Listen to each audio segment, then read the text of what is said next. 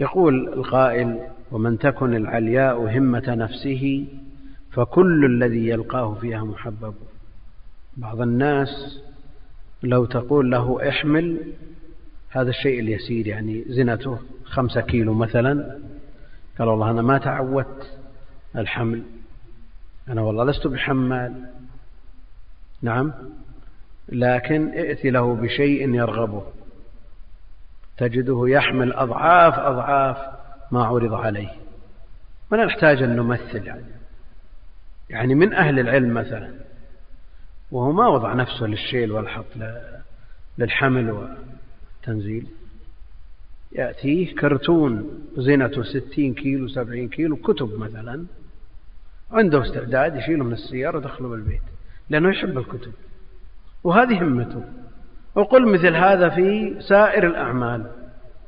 البضائع مثلا تجد صاحب هذه التجارة عنده استعداد يحملها لا سيما إذا كانت نفيسة عنده أو كان يرجوها ويترقبها أو لقلتها في الأسواق تجده يتولاها بنفسه. هذه همته. فكل الذي يلقاه فيها محبب. تجد الإنسان يسافر يقطع المفاوز أحيانا وقبل وسائل المواصلات على قدميه تبعا لهمته إن كان ممن فتن بالنساء تجد يسير الآلاف من الكيلوات من أجل أن يجد امرأة. إن كان فتن بالأموال يسير ذلك أو أكثر منه من أجل أن يتاجر. همته العلم يرحل لطلب العلم. وهذا الباب يحتاج إلى دروس. لكن الرحلة سنة عند أهل الحديث سنة وطريقة عرفت عندهم وألفت فيها الكتب ووجد من يرحل مسافة مدة شهر من أجل حديث واحد من أجل حديث واحد. هذه همة نحتاج إليها. وإذا كان العلم بين أيدينا وبين أظهرنا لا يحتاج إلى سفر ولا يحتاج إلى قطع مفاوز فما عذرنا؟ أشخاص يتسمون بطلب العلم ولا يعرفون العلم إلا في الدروس يجلسون بين يدي الشيخ ومعهم الكتب وإذا خرجوا من عند الشيخ آخر علمهم بالكتاب خروجهم من المسجد. إلى أن يحضر الدرس الثاني. وبعضهم مع الأسف يجعل الكتاب في المسجد. يصعب عليه حتى حمل الكتاب. مثل هذا قل أن يفلح.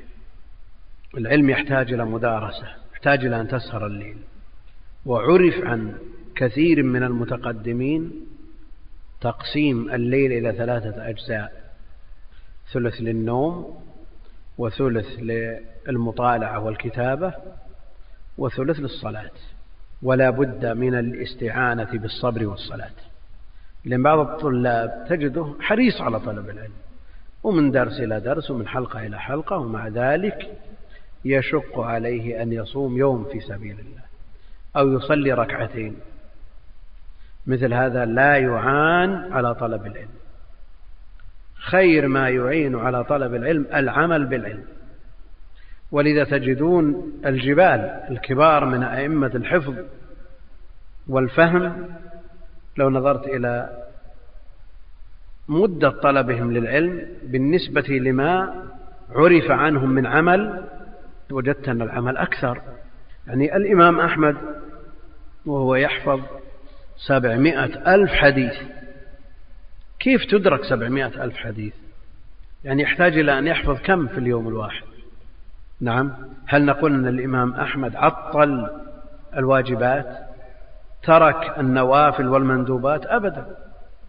الإمام أحمد يصلي في اليوم والليلة ثلاثمائة ركعة ويقول القائل ممن لا يحتمل عقله مثل هذا الكلام هذا غير معقول. هذا غير معقول. ثلاثمائة ركعة تحتاج إلى إيش؟ تحتاج كل ركعة إلى دقيقة مثلا. يعني ركعة أقل ما يجزئ تحتاج إلى دقيقة. وثلاثمائة دقيقة يعني خمس ساعات. خمس ساعات متى يطلب العلم متى يتعلم متى يعلم متى ينام متى. لكن لتعلم أن الإمام أحمد لا ما عنده استراحة نعم وليس عنده أناس يؤنسونه ويضيعون عليه الأوقات كما يفعله كثير من الناس اليوم وليس عنده على ما قال بعضهم صالون في بيته يحتاج إلى ثلاث ساعات في اليوم ينظر في المرآة وهذه شعرة زائدة وهذه شعرة ناقصة. الإمام أحمد ما عنده شيء من هذا. فإذا صرف خمس ساعات للصلاة وقل مثلها للعلم بقي عنده أربع عشرة ساعة. والواحد منا إذا حضر درس أو ألقى درس يحتاج إلى راحة. كأنه ألقى صخرة من فوق رأسه. يحتاج بقية اليوم كله يرتاح وينفس عن نفسه ويروح. فمثل هذا يحتاج إلى يحتاج الإنسان في مثل هذه الظروف إلى إعادة نظر.